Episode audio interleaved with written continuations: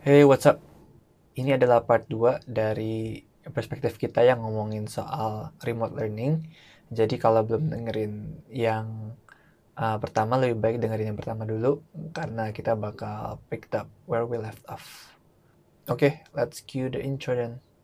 Kamu sedang mendengarkan Teapot Podcast.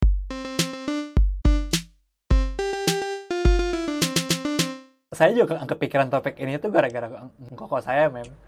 Oh, Kok, kenapa sih Kevin? Tuh, huh? Iya, koko saya si Kevin. Dia tuh kemarin di, di grup keluarga, huh? di grup keluarga WhatsApp itu dia foto huh? ada ada saya lagi ngerjain e-, exercise gitu kayaknya. Huh? Terus nyontek dia dari temannya gitu. Sebelahnya iPad, sebelahnya kertas gitu aja okay. gitu kan. Terus habis itu koko saya bilang, "Nih, bi bikin podcast soal study from home katanya. Tapi kan saya pikir ya kalau misalnya tugas-tugas lain gitu, saya catat menyontek itu bukan bukan rahasia lagi lah ya maksudnya. udah pasti kalau misalnya susah atau anak yang malas pasti dia bakal minta tolong temennya gitu kan. Iya, iya, makanya tadi nah tadi makanya ya aku senang banget. Tadi memang udah ngebahasin juga tadi tadi aku sempat pengen nanya jadi apakah sebenarnya itu murid-murid yang dikasih tes itu sama harus disupervise itu penting sebenarnya? Berarti nggak nggak nggak nggak penting berarti sebenarnya ya menurut ya, berarti seharusnya nggak harus ada se sebuah tes yang harus disupervise gitu kan ya iya malah ada yang berpikir sama saya pun saya pun pernah berpikir ini waktu pertama-tama ini baru kejadian nih Fer baru sehari dua hari hmm. itu saya ditanya apa yang akan saya lakukan untuk melakukan assessment hmm saya ada dua jawaban saya saat itu saya ingat saya ada dua jawaban yang pertama adalah assessmentnya saya ubah tipenya hmm. jadi jangan berpikir assessment yang harus jawabnya benar salah no. Hmm. Tapi matematika balik lagi sebenarnya benar atau salah iya. Tapi saya nggak akan ambil nilai istilahnya 100% untuk benar dan salah. Itu hmm. jawaban pertama saya. Jawaban kedua saya ya gimana kalau semua nyalain kamera video call lalu uh, semuanya uh, badannya sama tangannya sama pipinya harus kamera gitu saya bilang gitu. Terus ah ide yang bagus. Ada yang bilang kayak gitu. Terus, yeah. Tapi itu hal terakhir yang akan saya lakukan saya bilang kayak gitu oh yeah, yeah. bukannya mau lakukan itu ya saya ditanya gitu oh enggak sih oke okay. sebenarnya saya berasa kayak ini pasti ada yang kepengen nih cari cara supaya kelihatannya ini strict banget gitu itu dengan cara membuka kamera masing-masing gitu kan lalu yeah. ya saya, saya, saya sebut itu tapi saya bilang saya harus bawahi bahwa hal itu adalah hal terakhir yang akan saya lakukan dan sampai saat ini setelah lima minggu hal itu yang tidak pernah saya lakukan gitu Iya, yeah. uh, jadi poinnya okay. saya adalah uh, ya mau kontrol seperti apa gitu terus abis itu mau dipublish di sosial media sosial media lalu orang-orang melihat bahwa wah this is so good semuanya diajarkan untuk uh, apa uh, jujur I mean lagi tes jujur karena semuanya pasang video atau apa gitu maksudnya jadi pada saat tes ada harus ada video gitu loh Fer oh, oh iya iya iya sorry tadi uh, iya. iya. apakah uh, apakah seperti itu caranya gitu nah, bagi saya itu hal terakhir yang akan saya lakukan dan saya belum lakukan itu saat ini jadi hmm. saya lebih memilih membuat tipe assessment itu hmm. karena memang kondisinya kondisi learning jadi benar-benar bukan kondisi kita di kelas itu bagi yeah. saya apakah anak wah kalau gitu dikasih soal anak tinggal bisa lihat dong dari textbook dari buku eh, dari catatan eh, catatan dari buku cetak dari temannya saling uh, apa namanya saling WhatsApp WhatsApp WhatsAppan eh. apa begitu loh Iya. Enggak apa-apa sebenarnya ya. Oh iya, nah ya lalu itu bukannya bagian dari belajar juga gitu loh. Iya. Makanya karena itu bagian dari belajar dan itu bukan di jam khusus untuk ujian yang benar-benar uh, high stakes test. Jadi hmm. saya selalu anggap itu adalah formatif yeah, yeah. berjalan sesuai dengan kemajuan mereka masing-masing gitu jadi saya selalu bilang bahwa saya sih memberikan mereka assessment itu formatif bukan sumatif bukan sesuatu yang kayak apa jadi jadi di, dikondisikan kondisikan high high stakes test gitu loh kayak UN kayak Cambridge hmm. ACCSC kayak A level kayak IB bukan hmm. nah mungkin kalau aku bisa nanya yang lebih filosofisnya mungkin iya. jadi menurut Mem tuh seberapa penting sih mengukur hasil belajar murid gitu bukannya idealnya kalau di pendidikan yang baik itu murid-muridnya bisa self assess kira-kira mereka udah bisa atau belum. Dan kalau mereka belum bisa mereka harusnya yang nyari bantuan ke guru-gurunya gitu. Bukan sebaliknya jadi bukan top down tapi lebih ke bottom up. Idealnya sih begitu idealnya. Tapi saya juga bisa mengerti itu sulit. Nggak semua anak uh, seperti itu gitu. Tapi bagaimana menjembatani kedua hal itu kalau bagi saya. Jadi memang eh, anak-anak ini harus diajak untuk mereka uh, apa ya mau terlibat. Dengan mau terlibat, surprisingly mereka tiba-tiba bisa aktif. Hmm. Kalau saya boleh share, ada satu siswa saya yang uh, levelnya uh, bukan uh, matematis akademik gitu tapi justru saya benar-benar angkat topi justru di momen seperti ini dia hadir. Dia terlibat. Dia selalu hadir. Dia selalu respon. Hmm. nah, itu bagi saya itu udah hadiah banget buat saya luar biasa. Apakah dia mengerti semuanya? Apakah dia bisa bikin semuanya sendiri? No enggak. Karena memang bas apa dasar pengetahuan matematikanya tidak seperti si A, si B, si C gitu. Iya, iya. Ya kan? Kan setiap anak beda-beda dong. Benar, benar. Tapi siapa tahu nih anak nanti someday di masa depan dia justru jadi orang sukses, pengusaha sukses, mana kita tahu gitu loh. Ya kan nggak nggak harus mengerti semua no. matematika juga iya. Enggak, eh, tapi dia terlibat itu Niatnya udah saya yang, niat. Yang bagus ya. Setiap saya Betul, setiap saya kasih notifikasi email tentang pelajaran kita di hari ini, respon. Setiap saya buka sesi uh, video call, audio call, atau sharing whiteboard, hadir. Setiap saya kasih tugas yang tidak pernah sebanyak-banyak itu paling cuman um, mungkin saya diketawain kali kasih soal hanya dua soal tiga soal. Tapi continue gitu. Dan hmm. selalu ada bikin selalu respon. Lalu saya assess formatif langsung individual. Itu jawab benar atau salah ada benar ada salah pasti Wong memang uh, kemampuan matematis dia tidak bisa disamakan dengan si anak A atau si anak B istilahnya begitu tapi hmm. kehadirannya keterlibatannya itu yang yang saya hmm. apa ya beri selamat kepada dia gitu yeah. beri iya. apresiasi kepada dia nah bagi saya itu yang lebih penting itulah iya, belajar itu terjadi. Kalau aku tadi tanyanya kan penting nggak mengukur hasil belajar, tapi kayaknya kalau aku dengar lebih lebih penting melihat niat dari belajar anak-anak itu sendiri ya, ya. Bagi saya, iya. Penting nggak sih nilai buat sekolah di masa depan? Iya sih, penting. Saya tahu. Tapi um, ada hal lain yang juga penting gitu. Jadi hmm, balance lah bagi saya lihatnya. Iya, iya dulu aku malah mau cerita sedikit mem hmm? pernah hmm? pernah lihat di Instagram nggak tahu mem udah tahu apa belum nih huh? jadi kan banyak yang ngumpulin assignment pakai Google Assignment ya huh? terus aku ngeliat video Instagram gitu ada yang nanya kayak eh ada yang ngasih tips gimana caranya ngumpulin assignment kalau udah telat katanya oh iya iya iya saya lihat kok jadi katanya di HP-nya waktunya diganti iya, hari iya. kemarin iya. terus di submit itu beneran bisa mem Uh, saya sih nggak pernah membuktikan ya. saya saya nggak pernah membuktikan, cuma saya baca juga itu. Lalu saya berpikir, aduh ada nggak nih anak-anak yang begini?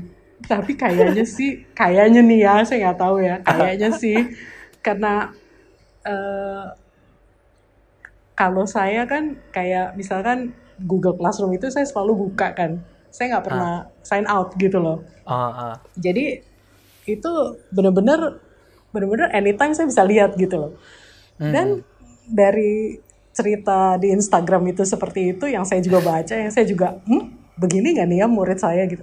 Tapi kenyataannya sih enggak ya. Yang yeah. missing tetap aja ada missing atau yang yang itu late. udah niat kayaknya yang late ya late aja. Kan kalau late kita dapat notifikasi kan sebagai gurunya kan. Late submission late ya ketawa aja saya. Uh, terus mereka pasti pasti nih ini kebetulan juga lucu deh murid-murid. Pasti kalau udah late pasti dia notif ke saya. Sorry aku late gitu jadi saya pikir late-nya saya kurang pikir, late-nya kurang niat itu kok iya iya. Jadi udah late tapi masih baik laporan gitu. Iya benar Iya, jadi saya cuma pikir kayaknya hmm, ya itu. Nggak usah di eh, ancem-ancem. Tapi mereka mau terlibat mereka akan bikin kok. Kecuali yang tadi Ferrari bilang eh, yang itu udah benar-benar nggak peduli gitu ya. Ya peduli. Pasti ada aja lah ya. Ya tapi kalau yang mau terlibat itu yang ya harus dihargai ya. Kalau Iya, iya. mereka telat itu kan bukan berarti juga mereka wah nggak bisa telat nol gitu. Aduh emang kamu di kelas? Atau Fernaldi masih ingat sistem kamu di high school? Kalau di atas jam 7 harus nggak bisa nggak bisa submit harus submit sebelum jam 7 itu kan di sekolah. Iya. Ini kondisi seperti ini beda gitu iya iya. Saya aku kira malah kalau di Google gitu ya mem. Aku kira mereka pakai sistem time gitu ternyata pakai time di HP juga ya baru tahu. Itu saya nggak ngerti lu bisa atau enggak mesti Iya, tanya sama sama. Google sama Google inovator kali itu saya nggak tahu deh.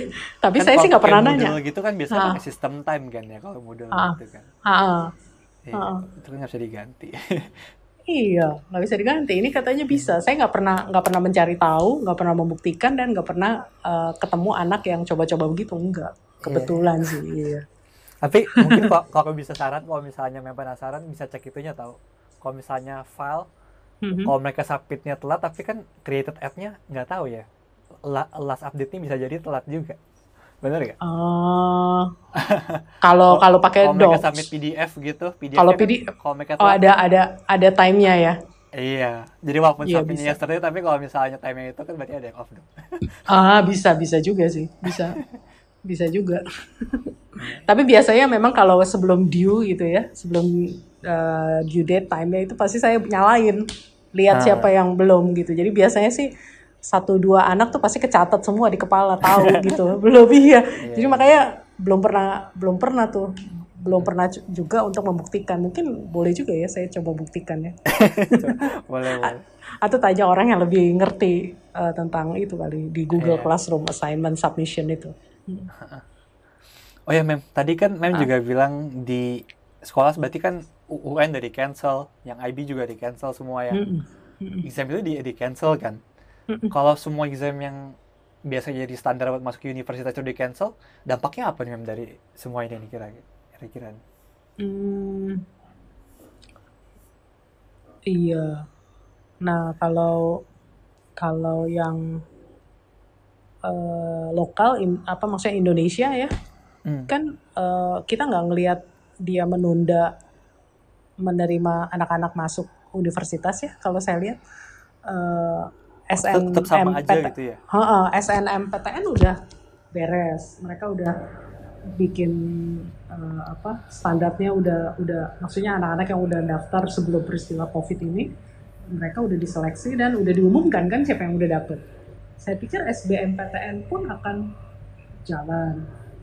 Eh, kalau ada UTBK mungkin mungkin online online UTBK aja apa tuh, UTBK tuh kalau eh, jadi gini mau masuk uni negeri itu ada yang dengan undangan karena prestasi di sekolah bagus Ah. daftar bisa diterima gitu Ah, itu SNMPTN namanya lalu Ah. ada S SBMPTN itu semua anak boleh daftar tapi dia harus dites lagi tesnya Iya. seperti UNBK tapi namanya UTBK kalau mau masuk eh, Oh. universitas negeri nah Oke, oke. itu itu juga dites lagi kan online kalau itu berhasil itu bisa masuk perguruan tinggi. Nah sekarang proses yang udah selesai kan yang yang anak-anak eh, akademisnya bagus nih yang SNMPTN Hmm. yang SBMPTN sih saya belum belum dengar ya.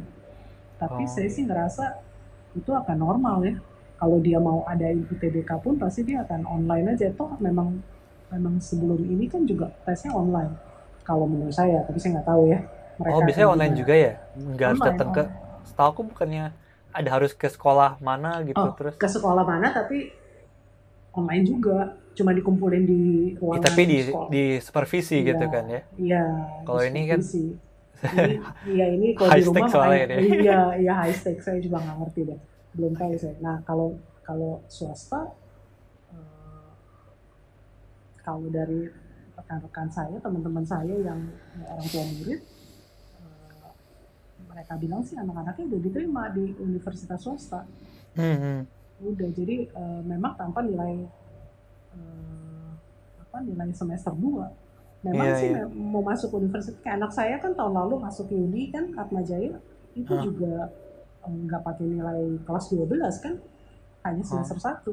Iya iya. jadi udah beres semuanya gitu. Jadi saya ngelihat kalau untuk itunya administrasi itunya sih tidak ada masalah Ya, adik kayak- saya sih juga juga udah daftar kemarin ke Prasetya Mulia juga Oh, juga udah udah, udah keterima ma- juga sih. malah dari Oktober prasetya Iya, ada. iya, benar. iya, iya. Ah, ta- tapi yang aku bingung itu kalau yang ke luar negeri sih ya. Kadang-kadang kan mereka suka minta eh, apa sih namanya tuh? Misalnya kalau A levelnya Iya, mesti yang final atau yang betul kan, kan ada yang predicted ada yang final gitu ya. Iya. Nah, Nah. jadi kalau sekarang kalau semua hilang begini mere- mereka gimana gitu? Kurang tahu ya. Mas. Kalau kalau dari Cambridge sih kan eh, memang dia nggak pernah kasih pengumuman langsung ya direct eh, begini begini begini enggak. Dia dia Hmm. bertahap tuh kalau kalau ngikutin Cambridge karena kebetulan sekolah saya sekarang kan Cambridge curriculum gitu ya. Hmm, Jadi dia setiap periode tuh ada pengumuman pengumuman sampai pengumuman terakhir itu eh, mereka akan tetap rilis nilai rilis nilai dari predicted score. Predicted score itu dari sekolah dan guru yang bersangkutan yang harus disertai dengan evidence. Oke.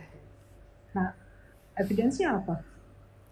Mesti siapin evidence apa ya? Siapin eh, Pas assessment gitu kan. Iya, pas assessment, materi belajarnya apa, mungkin portfolio sedikit harus kali ya disiapin. Bagi saya sih Hmm. evidence sih itu ya. Kalau cuma evidence cuma sekedar nilai mah, ya tutup mata aja. Oh si A dapat dapat B, Iya. oh si B, benar nggak? Tapi Iya, iya. bagaimana harus ada evidence-nya itu? Nah, mereka memang tidak mendescribe evidence-nya harus ini, harus ini enggak. Tapi dalam kepala saya, seumpama itu terjadi, eh, ya kita punya ini dong bukti materi kita apa memberikan kepada anak dibuktikan Iya, iya. dengan eh, lalu diakhiri dengan evaluasinya apa gitu loh evaluasi itu ya salah satunya kan assessment assessment itu gitu Eh, tapi yang kasihan anak-anak yang kemarin nilai jelek terus mereka masih semangat pengen belajar gitu ya. Nggak Iya. nggak nggak punya waktu buat memperbaiki nilai gitu ya. Hmm. Iya. Konon sih yang saya dengar sih yang Cambridge ini sih bilang udah udah kon connect udah kontak-kontak sama Yudi bahwa mereka akan terima nilai dari Sekolah Cambridge yang gitu. predicted. Iya, Oh. Cam- Cambridge yang predicted. Kalau Cambridge sih kayaknya jelas eh, dia akan minta sekolah-sekolah di bawah naungan Cambridge itu store nilai predict predict apa predicted score yang eh, terakhir gitu loh. Hmm. Yang saya tangkap sih gitu ya. Cuman nanti Iya, iya. memang belum karena kan ini masih April ya. Iya Kan iya Mereka pun ujiannya aja kan sebenarnya baru mulai Mei kan gitu. iya iya. Mm-mm. I see, I see.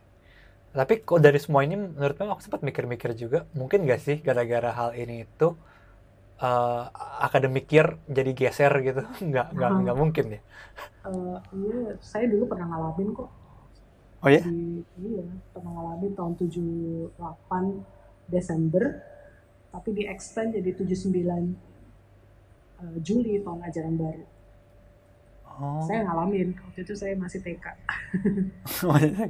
iya. Jadi sebenarnya mu- mu- mungkin itu ya bisa Mungkin. digeser gitu ya? Kalau itu sih mungkin aja ya mungkin. Tapi saya sih ngelihatnya ada sebagian orang yang mengatakan bahwa penting lah harus digeser karena pembelajaran kan ini tidak normal kan benar-benar iya Ah, makanya aku juga kita- mikir gitu apakah Hmm. mereka mak- maksain buka aja gitu atau Iya. iya aneh juga Ta- tapi kalau dimundurin maksudnya seluruh dunia ayo Kalau iya anak-anak berarti yang- harus itu ah. ya apa kalau di Indonesia aja kalau di Indonesia aja sih sa- saya ngerasa mungkin bisa dimundurin gitu tapi ya itu nggak bisa dipaksakan sekali lagi kan zamannya beda sama tahun 78 79 Hmm, tahun hmm. 78 saya inget banget saya juga ngerasa kok kok saya lama banget di TK ya? Mau naik kelas 1 kok lama banget gitu. Inget saya? Benar juga. Ah, iya. nah kalau apalagi era sekarang informasi bisa dapat dari hal lain non sekolah. Iya kan? Non informasi Iya, iya. dari luar kita bisa Hmm. dapat sendiri. Masa disuruh tahanin di sekolah sampai 6 bulan? Harus mau nurut semua? Saya rasa sih nggak bisa. Hmm.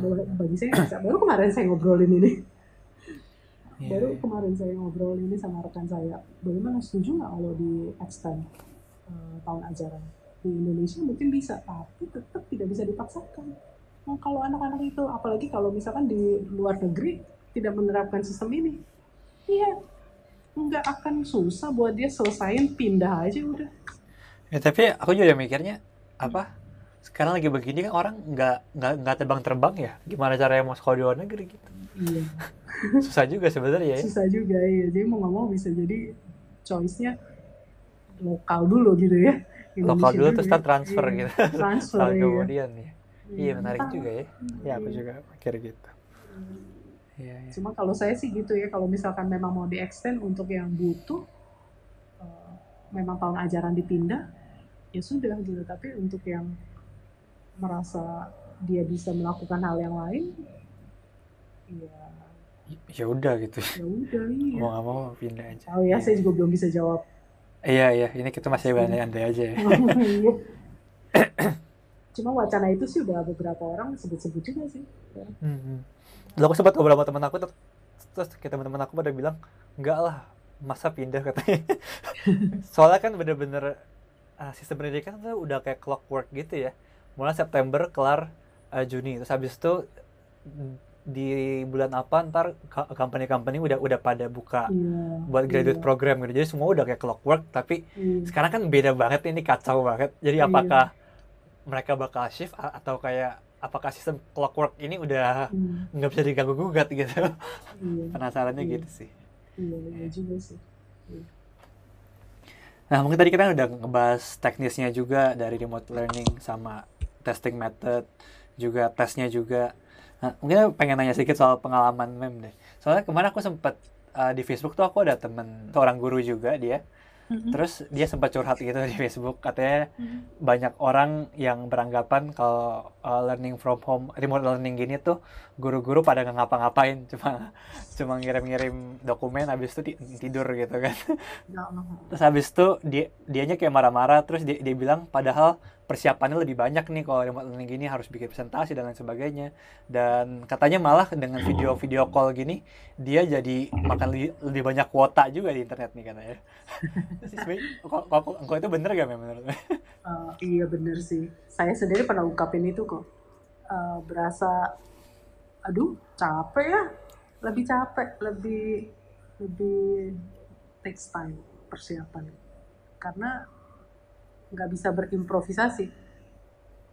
Artinya kalau Iya, iya. kita berdiri di depan kelas kan kadang improvisasi muncul. Bisa cepat Hmm. gitu switchnya. Langsung keadaannya begini, tek, pindah. Keadaan begini, tek, Ah. pindah gitu.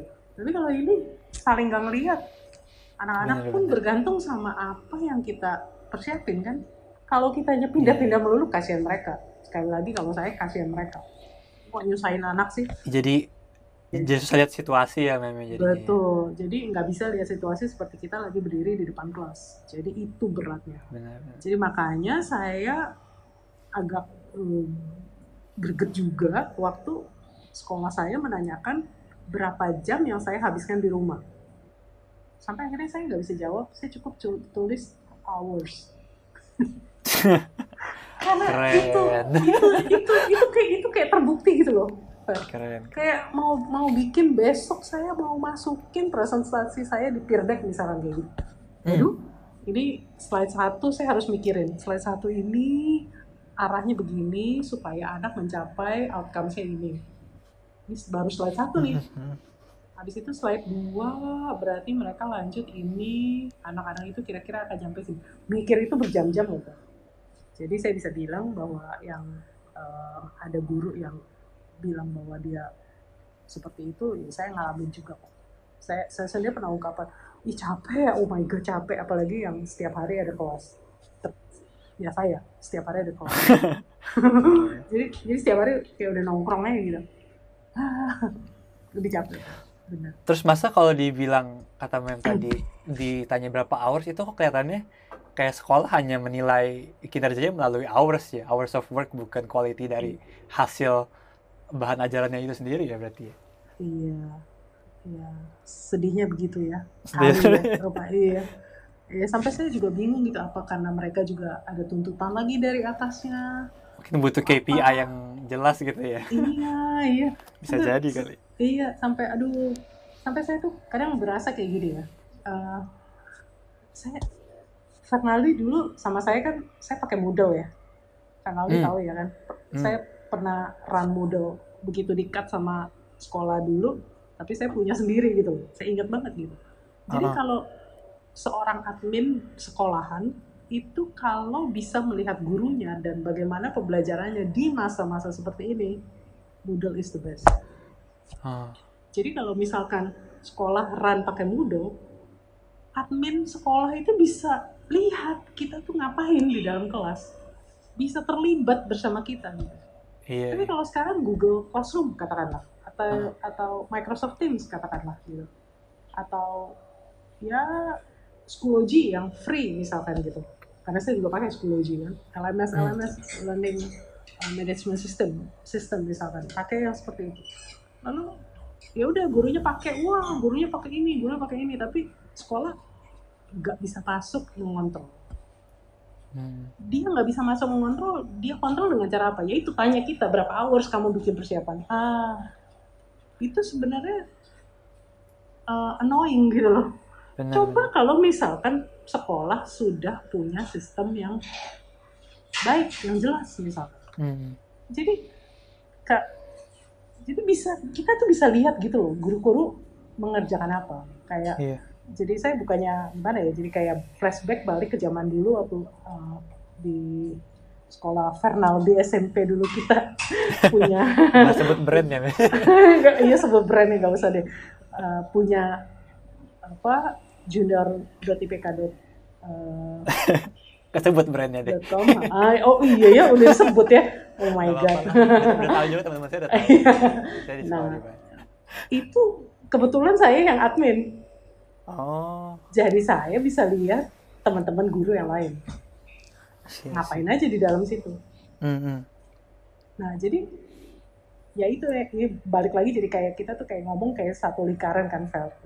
Jadi tadi Hmm. Fer na- nanya eh, apa? Jadi dengan seperti ini, apakah kita bisa belajar bahwa momen ini nih buat sekolah, buat pendidik, buat orang tua untuk berkembang, untuk menggunakan teknologi yang lebih benar? Ya ini salah satu jawabannya. Hmm. Jadi apabila kita menjalankan eh, pembelajaran itu di dalam wadah yang benar, yang bisa di bisa dipantau. Kalau sekolah pengen pantau gurunya, pantaulah dengan cara yang benar. Benar, benar.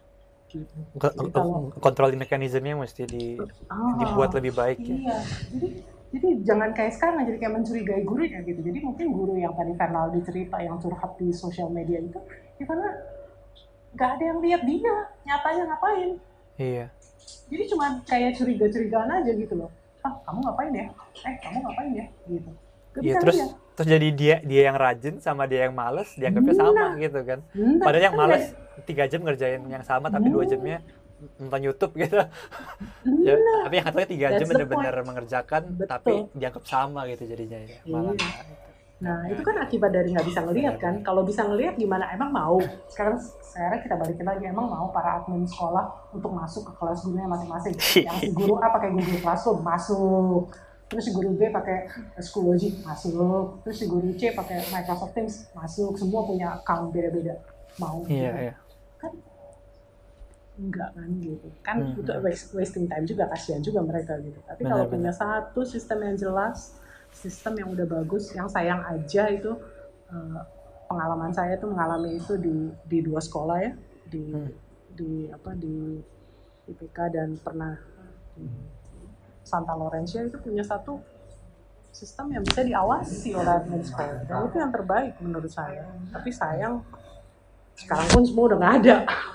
Oh. Sekarang kayaknya semua udah nggak ada ada, gitu. Iya, sekarang semua nggak ada. Semua menggunakan eh, Google, Google, Google. Oke, bagus nggak Google? Bagus, bagus. Tapi kadang dibutuhkan kalian sendiri butuh kan maksudnya kalian tuh admin sekolah kan kalian sendiri Ah. butuh kan ngontrol para guru kan Iya. ya, jadinya jadi terbolak balik gitu Butuh yang lebih spesifik lah ya. nah iya pengen lebih ngontrol tailored tailored ke eh, ke, education lah ya. iya kira-kira Kalau aku gitu di ya. di di Hong Kong ini aja kemarin kita pakai pakai Moodle juga sih sebenarnya. ah ya Pakai Moodle iya. Ba- Hmm. Bahkan jadi pas ka- karena udah pernah pakai Moodle di IPK, pas Hmm. sampai sini pakai Moodle ah udah udah tahu caranya gitu. Hmm. Jadi kerennya. Terus kalau aku dulu pas sempat pergi exchange juga ke Oh iya, Manchester. ah. Di Manchester mereka pakai Blackboard. ah iya iya iya iya Itu kayak mirip ya sebenarnya ya, cuma Iya, beda iya, company aja kali ya. iya iya iya Cuma benar kayak lebih warna-warni kayaknya kalau Blackboard iya lebih visual gitu. iya iya iya Ya. ya gitu deh jadi ya sebenarnya kat- katanya jadi jadi terbawa balik itu yang tadi saya bilang. Bilang mau kontrol tapi ah kita nggak mau masuk itu wewenang guru misalkan gitu. Ya, tapi kan pengen tahu juga kan berapa lama yang kamu spend waktu untuk bikin media pembelajaran A media pembelajaran B. Jadi kayak politisi ya misalnya. iya. Iya, jadi kayak gini ya susah memang. Iya, iya. ya semoga semoga ke depannya lebih baik ya semua semua jadi sadar bahwa paham bahwa oh ya ini tuh sebenarnya dibutuhkan gitu dibutuhkan untuk keadaan seperti ini misalkan ya jangan sampai lagi sih ada keadaan seperti ini kan enggak Iya, jangan sampai sih. Tapi kita siap untuk untuk semuanya lah ya gitu. ya. iya cuman poinnya kan jadi lebih lebih teratur ya kalau misalkan Hmm. uh, kan sekolah itu kan sebenarnya keteraturan ya Fer Mm-mm. benar nggak setuju nggak sekolah itu kan sebenarnya keteraturan sebenarnya kan semua orang bisa belajar dari mana aja kan Keteraturan kurikulum. Oh, kurikulum itu buat mengatur uh, alur pembelajaran berarti ya. betul iya kan butuh keteraturan kan butuh keteraturan berarti ya ciptakan sekolah yang peraturannya dengan benar gitu loh Benar-benar. Ya, nah, itu sih saya pikirnya seperti itu Iya. Memang tadi uh, kalau lagi sekarang remote learning gini, apakah sekolah ngasih bantuan resources gitu, mem? Contohnya kayak tadi kan guru tadi bilang dia uh, makan kuota internet gitu. Apakah dikasih reimburse buat kuota atau apa pun itu gak? Buat guru-guru di Jakarta. Gitu.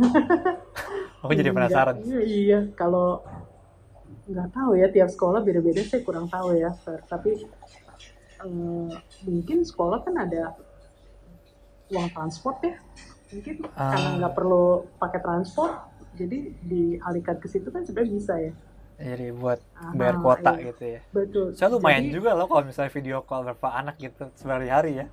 Kuota. nah saya garis bawahi ya saya garis bawahi ya karena banyak guru berpikir bahwa belajar berhas- berlangsung kalau video call saja itu yang Hmm. salah Sih, sih.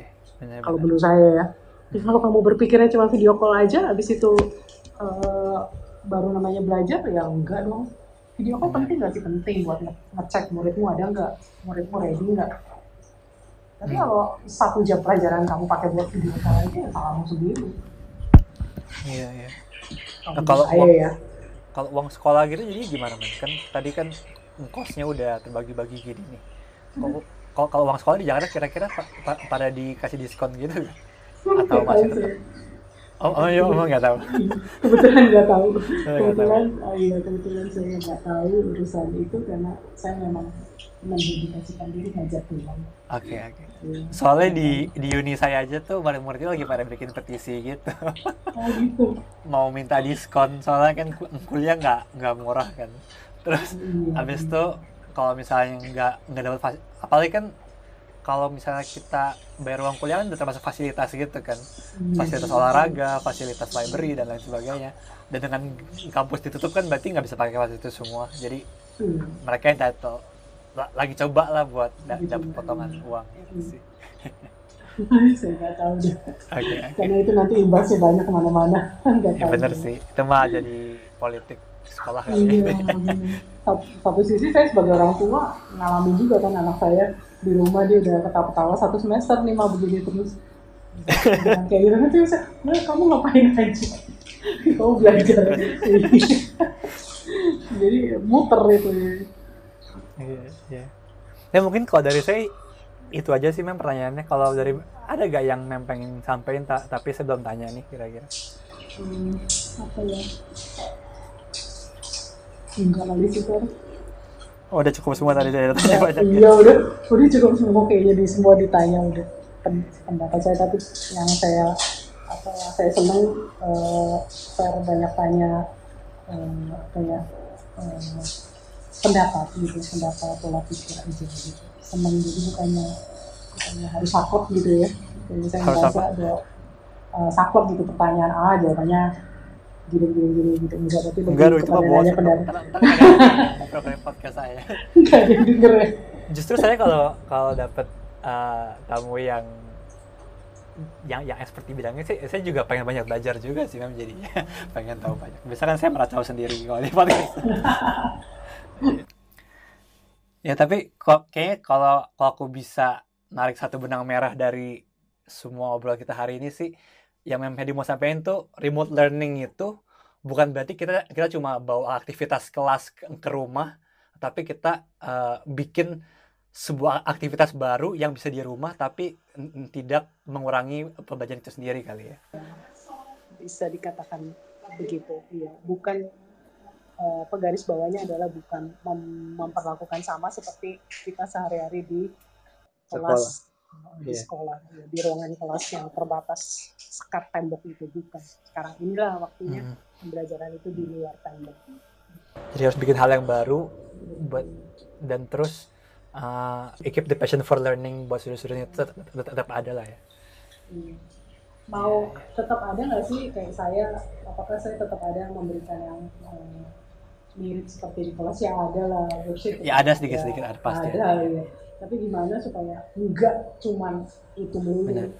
Iya, bikin, iya. bikinin video lama sekali gitu. bikin video lama sekali. Kira-kira yang seperti itu.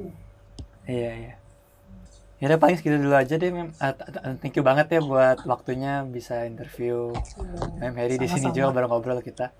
Iya, yeah, thank you uh, udah ngobrol-ngobrol. Ya kalau misalnya teman-teman saya atau para pendengar podcast kita pengen lihat kerjaan Mem lebih lanjut kira-kira di di mana nih Mem? Ada ada akun yang mau dipromosin?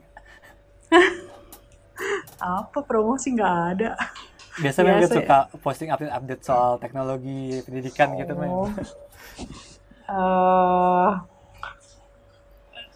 apa yang nggak ada ya sih cuman kayak seneng aja gitu loh posting di kalau abis ngelakuin sesuatu sama anak-anak saya nah ya itu mungkin Instagram. banyak yang bakal ngira itu helpful soalnya saya saya pikir itu keren banget sih ya paling ya itu eh, silakan ke Instagram dan Facebook aja namanya at Hedi Lim S ya uh, Ya. Oke. Okay. Ya udah paling segitu dulu aja. Jangan lupa follow podcast kita juga di Tifa underscore podcast di Instagram, juga di Spotify dan ya tadi kalau kalian pengen follow Mem Hedi juga di at Hedi Lims di Instagram dan Facebook juga. And ya yeah, thank you banget sekali lagi buat Mem Hedi. Uh, and I'll, I guess I'll see you guys in the next perspective. Bye. Bye.